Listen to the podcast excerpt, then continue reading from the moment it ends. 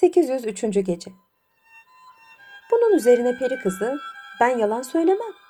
Bahsettiğim elbisem evimizde bir sandık içinde ve odamın döşeme tahtaları altına gömülmüştür. Onu bana getirin giyeyim. O zaman her şeyi anlarsınız. Gelinin maksadını anlayan ihtiyar kadın her ne kadar bu bahsi kapatmak istediyse de Zübeyde Hatun'un sert emirleri karşısında evin anahtarını vermeye mecbur oldu. İşte evin anahtarı. Ben elbisenin nerede olduğunu bilmiyorum dedi. Bunun üzerine Zübeyde Hatun anahtarı alıp cellat Mesrur'a verdi ve tüylü elbisenin saklı olduğu yeri tarif ederek onu bulup getirmesini emretti. Mesrur, peri kızının kanatlı elbisesini kolayca buldu. Onu alıp saraya götürdü. Zübeyde Hatun'a teslim etti. O da elbiseyi peri kızına uzatarak hadi bakayım şunu giy de nasıl yakışacağını görelim dedi. Gecenin sona erdiğini gören Şehrazat hikayesini burada bıraktı. Ertesi gece kocasının isteği üzerine yeniden anlatmaya başladı. 804. Gece Peri kızı tüylü elbisesini görünce çok sevindi. Hemen alıp giydi. Tamamıyla bir kuş şekline girdi. Kanatları arasına çocuklarını alarak halifenin karısını ve saray halkını eğlendirmek maksadıyla bir iki oyun yaptıktan sonra sarayın damına uçtu. Oradan da memleketine havalanmadan önce kaynanasına dönerek anne dedi seni çok özleyeceğim. Fakat ne yapayım ben de ailemi özledim. Oğlun geldiği zaman eğer hakikatten beni seviyorsa Vakvak adalarına gelip beni bulsun. Peri kızı bunu söyledikten sonra herkesin hayret nazarları arasında uçup gitti. İhtiyar kadın fenalaşarak düşüp bayıldı. Yaptıklarına pişman olan Zübeyde Hatun, ihtiyar kadının üzerine gül suyu serperek ayılttı. Kusura bakmayın teyze, gelininin uçan mahluklardan olduğunu bilmiyordum dedi. İhtiyar kadın evine dönünce üç mezar yaptırdı. Gece gündüz oradan ayrılmayarak ağlamaya başladı. Sabah olmuştu. Şehrazat gülümseyerek hikayesine ara verdi. Hükümdar da masalı ertesi akşam devam etmesini istedi. Şehrazat o akşam tatlı tatlı anlatmaya başladı.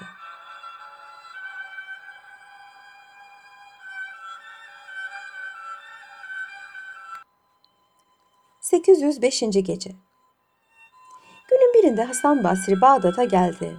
Eve girip annesinin ağlamaktan iğne ipliğe döndüğünü görünce niye böyle üzgün olduğunu sordu. İhtiyar kadın mezarları göstererek karısının ve çocuklarının birdenbire hastalanarak öldüklerini söyledi. Hasan Basri bu acı haberi işitince fenalaştı. Düşüp bayıldı. Bir müddet sonra kendine geldiği vakit hatırına bir şey gelmiş gibi karısının tüy elbisesini sakladığı yere gitti.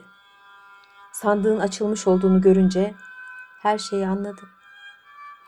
Annesini zorlayarak hakikati söylemesi için ısrar etti. İhtiyar kadın hadiseyi olduğu gibi anlattı ve bunu halifenin zevcesinin sebep olduğunu ilave etti. Hasan Basri fena halde müteessir oldu. Ağlayıp sızlamaya başladı. Bu hal bir ay kadar devam etti. Çok sevdiği karısının ayrılışına dayanamayarak Hasan Basri onu aramak maksadıyla tılsımla atına binerek kız kardeşlerinin yanlarına gitti. Kendilerine başından geçenleri anlatıp derdine bir çare bulmalarını ve karısına kavuşturmalarını söyledi. Kızlar onun bu haline çok müteessir oldular. Ellerinden geldiği kadar yardım edeceklerine de söz verdiler. Kızların Abdülkudüs adında bir amcaları vardı. Başları dara geldiği zaman ona danışırlardı. En büyük kızla arası çok iyi olan ihtiyar amca ona bir kutu tütsü vermiş ve kendisini çağırmak istediği zaman tütsünün birazını ateşe atmasını tembih etmişti. Yine sabah oluyordu. Hükümdar masalı ertesi akşam devam edilmesini istedi. Şehrazat da yarıda bıraktığı masalını ertesi akşam şöyle devam etti. 806. Gece kız Hasan Basri'nin gözyaşlarına dayanamayarak ona bir çare bulmak ümidiyle Abdülkudüs'ü çağırmaya karar verdi. Tütsüden bir tutam alarak ateşe attı. Çok geçmeden saraylarının karşısında bulunan vadi cihetinden bir toz tabakası yükseldi. Arkasından bir file binmiş olan Şeyh Abdülkudüs göründü. Kızlar amcalarını büyük bir sevinçle karşılayarak kendisini çok özlediklerini söylediler. Abdülkudüs onlara teşekkür ederek yengenizle yemek yiyordum. Birdenbire tütsünün kokusu burnuma geldi. Bir derdiniz olduğunu anladım. Hemen de hayvanıma binerek size geldim dedi.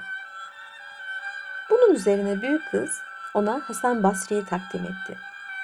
Ve başından geçenleri anlatıp bilhassa delikanlının derdine bir çare bulmak için kendisini çağırttığını söyledi. Abdülkudüs bunu işitince bedbin bir tavırla başını salladı ve Hasan'a dönerek ''Oğlum'' dedi. ''Başını büyük bir derde sokmak istiyorsun. Vakvak adaları çok hem pek çok uzaktadır. Yedi denizin, yedi vadinin ve yedi dağın ardında bulunan bu ülkeye ulaşmak için bir ömür tüketmek lazımdır.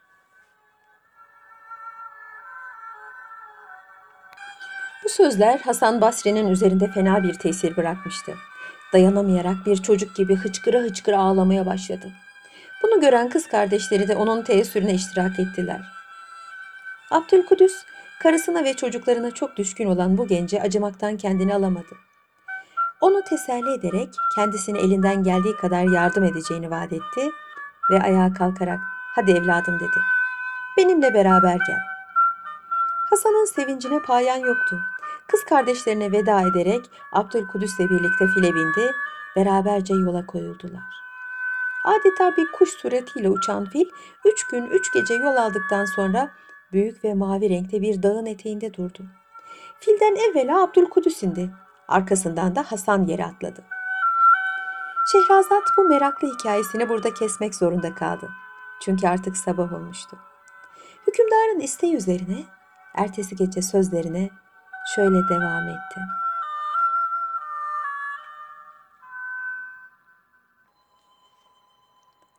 ...807. Gece Abdülkudüs kapısı çelikten yapılmış bir mağaraya doğru yürüyerek Hasan'a kendisini takip etmesini işaret etti. Kapıyı çaldı. Çok geçmeden elinde pala tutan bir zenci kapıyı açtı. Abdülkudüs'ü görünce onu hürmetle selamladı. Abdülkudüs ile Hasan içeri girdikten sonra zenci kapıyı kapadı. İçi çok geniş olan mağaranın başka yere çıkan uzun ve dolambaçlı bir koridoru vardı. Hasan Abdülkudüs'le beraber o koridoru geçtikten sonra bir meydanlığa geldiler. Abdülkudüs biraz ileride bulunan büyük bir tunç kapıya doğru yürüyerek Hasan'a da sen beni burada bekle. Gelinceye kadar sakın yerinden kımıldanma diye sıkı sıkı tembih etti. Kapıyı açıp girdi. Bir saat sonra yedeğinde Yağız bir at olduğu halde geri geldi. Hasan'a bu ata binmesini söyledikten sonra ona bir de mektup verdi. Oğlum, bindiğin at kendi kendine yürüyerek seni bir mağaranın önüne götürecektir dedi. Oraya varınca sırtından in ve yularını eğerin üzerine bırak. Hayvan kendinden mağaraya girecek. Sen de onu kapıda beş gün bekleyeceksin. Altıncı gün uzun ve beyaz sakallı ihtiyar bir zenci çıkacak. Sana ne istediğini soracak. Sen de onun ellerini öpecek, verdiğim mektubu kendisine vereceksin. İhtiyar sana bir şey söylemeden mağaraya girecek. Sen de kapıda 5-6 gün bekleyeceksin. Şayet ihtiyar çıkarsa işin oldu demektir. Kendisi çıkmayıp da yerine bir başkasını gönderirse o gelen kimse seni öldürecektir. Bu da senin talihinedir. Her şeyi gözün aldıysan yola çıkacak yoksa geldiğimiz gibi geri döneceksin. Ben seni aldığım yere götürürüm. Oradan da memleketine döner, başka bir kızla evlenir, bu sevdadan vazgeçersin. Gecenin sona erdiğini gören Şehrazat hikayesini burada bıraktı. Ertesi gece kocasının isteği üzerine yeniden anlatmaya başladı.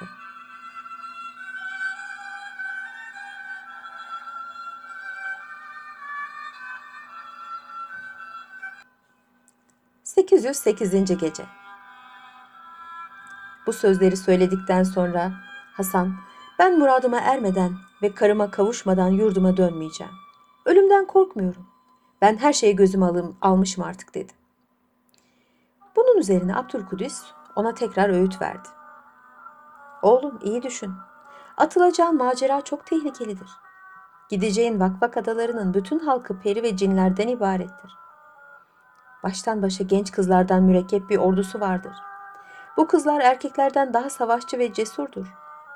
O ülkeye giden herhangi bir yabancının oradan sağ dönmesi imkansızdır. Hasan aşkından başka bir şey düşünmüyordu. Ben sevgilime kavuşmaya gidiyorum. Muvaffak olmadığım takdirde benim için hayatın kıymeti yoktur diyerek ağlamaya başladı.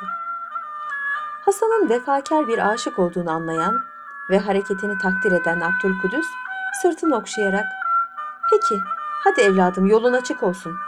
Gideceğin ihtiyar benim hocamdır. Adı da Ali Ebu Riş'tir.'' dedi. Abdülkudüs'ün işareti üzerine Hasan'ın bindiği at yaydan fırlayan ok gibi koşmaya başladı. Dağları tepeleri aşan bu hayvan 10 günlük rahat bir yolculuktan sonra Hasan'ı büyük bir mağaranın önünde bıraktı. Hasan hemen etraflarını saran ve bindiği hayvana adeta saygı ve bağlılık ifade eden hareketler yapan birçok yabani ata hayretle baktıktan sonra sihirli atından indi. Abdülkudüs'ün tavsiyesine göre hareket ederek atın yularını eğerin üzerine bıraktı. Bunun üzerine hayvan kendi kendine mağaraya girdi. Hasan mağaranın kapısında büyük bir heyecandan ve ızdırap içinde beş gün bekledi. Altıncı gün sakalı göbeğine kadar uzanan ihtiyar bir zenci çıktı. Onu tanıyan Hasan hemen ayaklarına kapanarak ona saygı gösterdi ve bir maruzatı olduğunu söyledi. Sabah olmuştu. Şehrazat gülümseyerek hikayesine ara verdi. Hükümdar da masala ertesi akşam devam edilmesini istedi. Şehrazat o akşam tatlı tatlı anlatmaya başladı.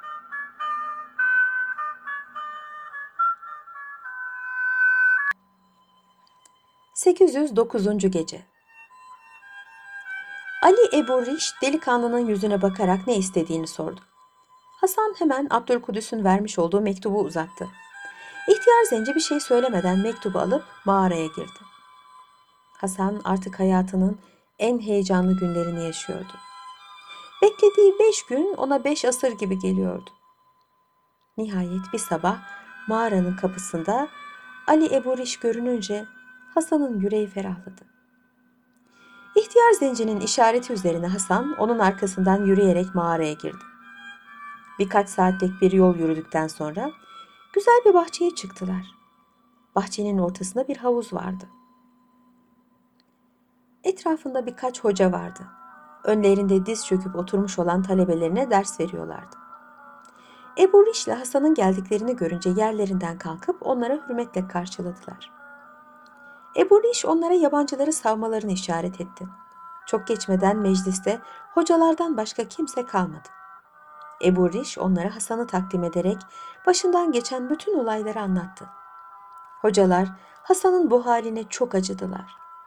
Karısına ve çocuklarına kavuşturması için Ali Ebu Riş'e onlar da yalvarmaya başladılar. Ebu Riş biraz düşündükten sonra hocalara, arkadaşlar dedi, bu gencin istediği şey çok tehlikelidir. Onun gibi hayatı hiçe sayan kimse görmedim. Vakvak adalarına gitmenin ne kadar zor ve tehlikeli olduğunu biliyorsunuz. Bilhassa oranın padişahının kızını sarayından kaçırmak imkansız bir şeydir. Hocalar tekrar rica ettiler. Bu genç kardeşin Abdülkuddüs tarafından geliyor. Onun işlerini kolaylaştırmak borcunuzdur. Hem de sevaptır. Biz de elimizden gelen yardımı yaparız. Bunun üzerine Hasan Basri kalkıp hepsinin ellerini öptü. Sağlıklarına dua ederek ona gösterdikleri alakadan dolayı çok teşekkür etti. Yine sabah oluyordu. Hükümdar masalı ertesi akşam devam edilmesini istedi. Şehrazat da yarıda bıraktığı masalına ertesi akşam şöyle devam etti.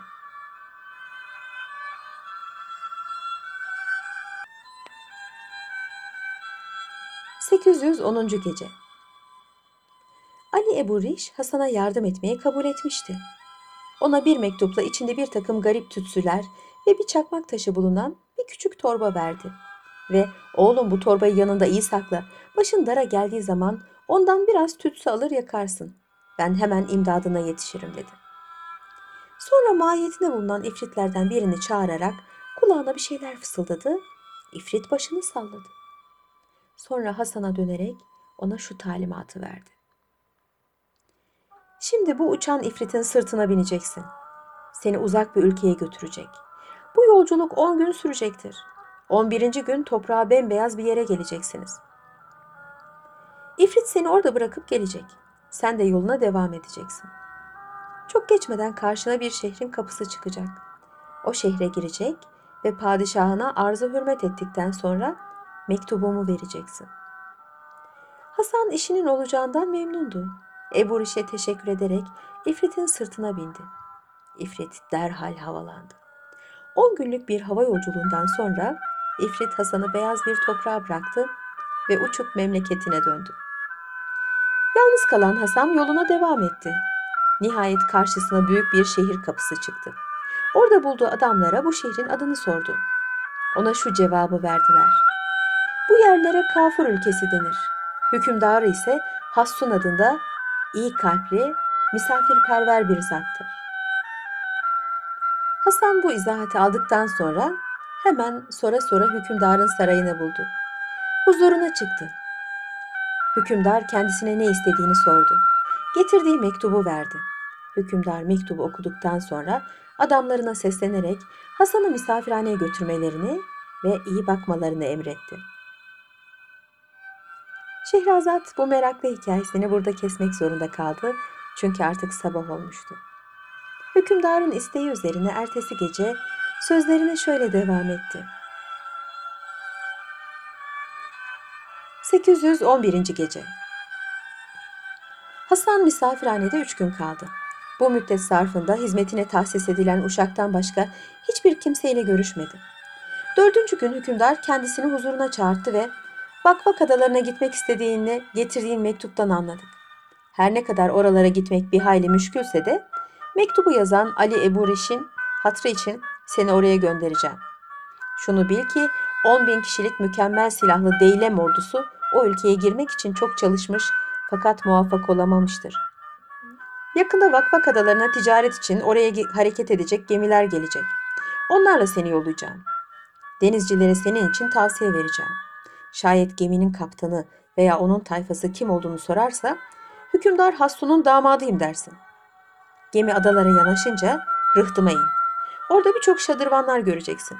Onlardan birisinin üzerine otur, karanlık basınca adanın sakinleri olan kadınlar malları almak için limana gelirler. Yanına yaklaşan kadınlardan birisinin koluna yapış, seni himaye etmesi için yalvar. Kabul ederse işin olur. Etmediği takdirde hayatından ümidi kes, artık o senin talihine kalmış bir şeydir. Hadi seni görelim.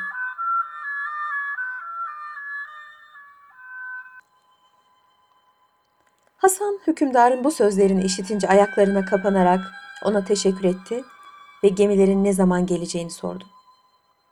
Hükümdar 6 ay beklemek icap ettiğini söyleyerek bu müddeti hususi misafir olarak sarayda geçireceğini söyledi. Büyük bir sabırsızlık içinde 6 ay bekleyen Hasan, nihayet bir gün Vakvak adalarına hareket edecek gemilerin limana geldiklerini gördü. Hemen koşarak hükümdara haber verdi. Hükümdar ona lazım gelen yol harçlığını vesaireyi vererek gemilerden birisinde kendisine bir yer ayırtarak tayfaya da iyi bakmalarını tembih etti. Gecenin sona erdiğini gören Şehrazat hikayesini burada bıraktı. Ertesi gece şöyle devam etti. 812. gece Hasan'ın bindiği gemi 10 günlük bir deniz yolculuğundan sonra nihayet Vakvak adalarına vardı. Limana yanaşır yanaşmaz Hasan karaya indi. Bir şadırvanın altına saklandı. Hava kararınca limana dolgun göğüslerinde zırhlar, narin ellerinde yalın kılıçlar bulunan yüzlerce genç ve güzel kadın hücum etti. Gemiyle gelen tüccarlardan mal satın almaya başladılar. O sırada Hasan'ın altında saklandığı şadırvanın üstüne dinlenmek üzere bir kadın oturdu. Hasan hemen usulcacık çıkararak onun koluna yapıştı ve karısını ve çocuklarını aramak için hayatını tehlikeye koyup buraya gelen benim gibi bir adama acıyıp korumaz mısınız diye yalvardı. Kadın ona acıdı. Ertesi geceye kadar orada beklemesini ve kimseye görünmemesini tembih ederek yanından ayrıldı. Adanın kadınları sabaha kadar güzel kokulu mumlar yakarak gemideki tüccarlarla alışverişlerine devam ettiler. Sabah olunca adetleri gibi şehirlerine geri döndüler. Hasan akşama kadar bulunduğu yerden kımıldanmadı. Ortalık kararınca onu himayesine alan kadın çıka geldi. Ona yerlilerin giydikleri bir elbiseyle bir zırh ve mızrak verdi. Bunları giyip aralarına karışmasını ve kendisini takip etmesini söyledi. Hasan büyük bir heyecan ve sevinçle kadının dediğini yaptı. Adanın silahlı kadınları sabaha karşı şehre dönünce yerinden çıkıp onların arasına karıştı. Bir taraftan da kendisini koruyacak olan kadını takip etmeye başladı. Gecenin sona erdiğini gören Şehrazat hikayesini burada bıraktı. Ertesi gece kocasının isteği üzerine yeniden anlatmaya başladı.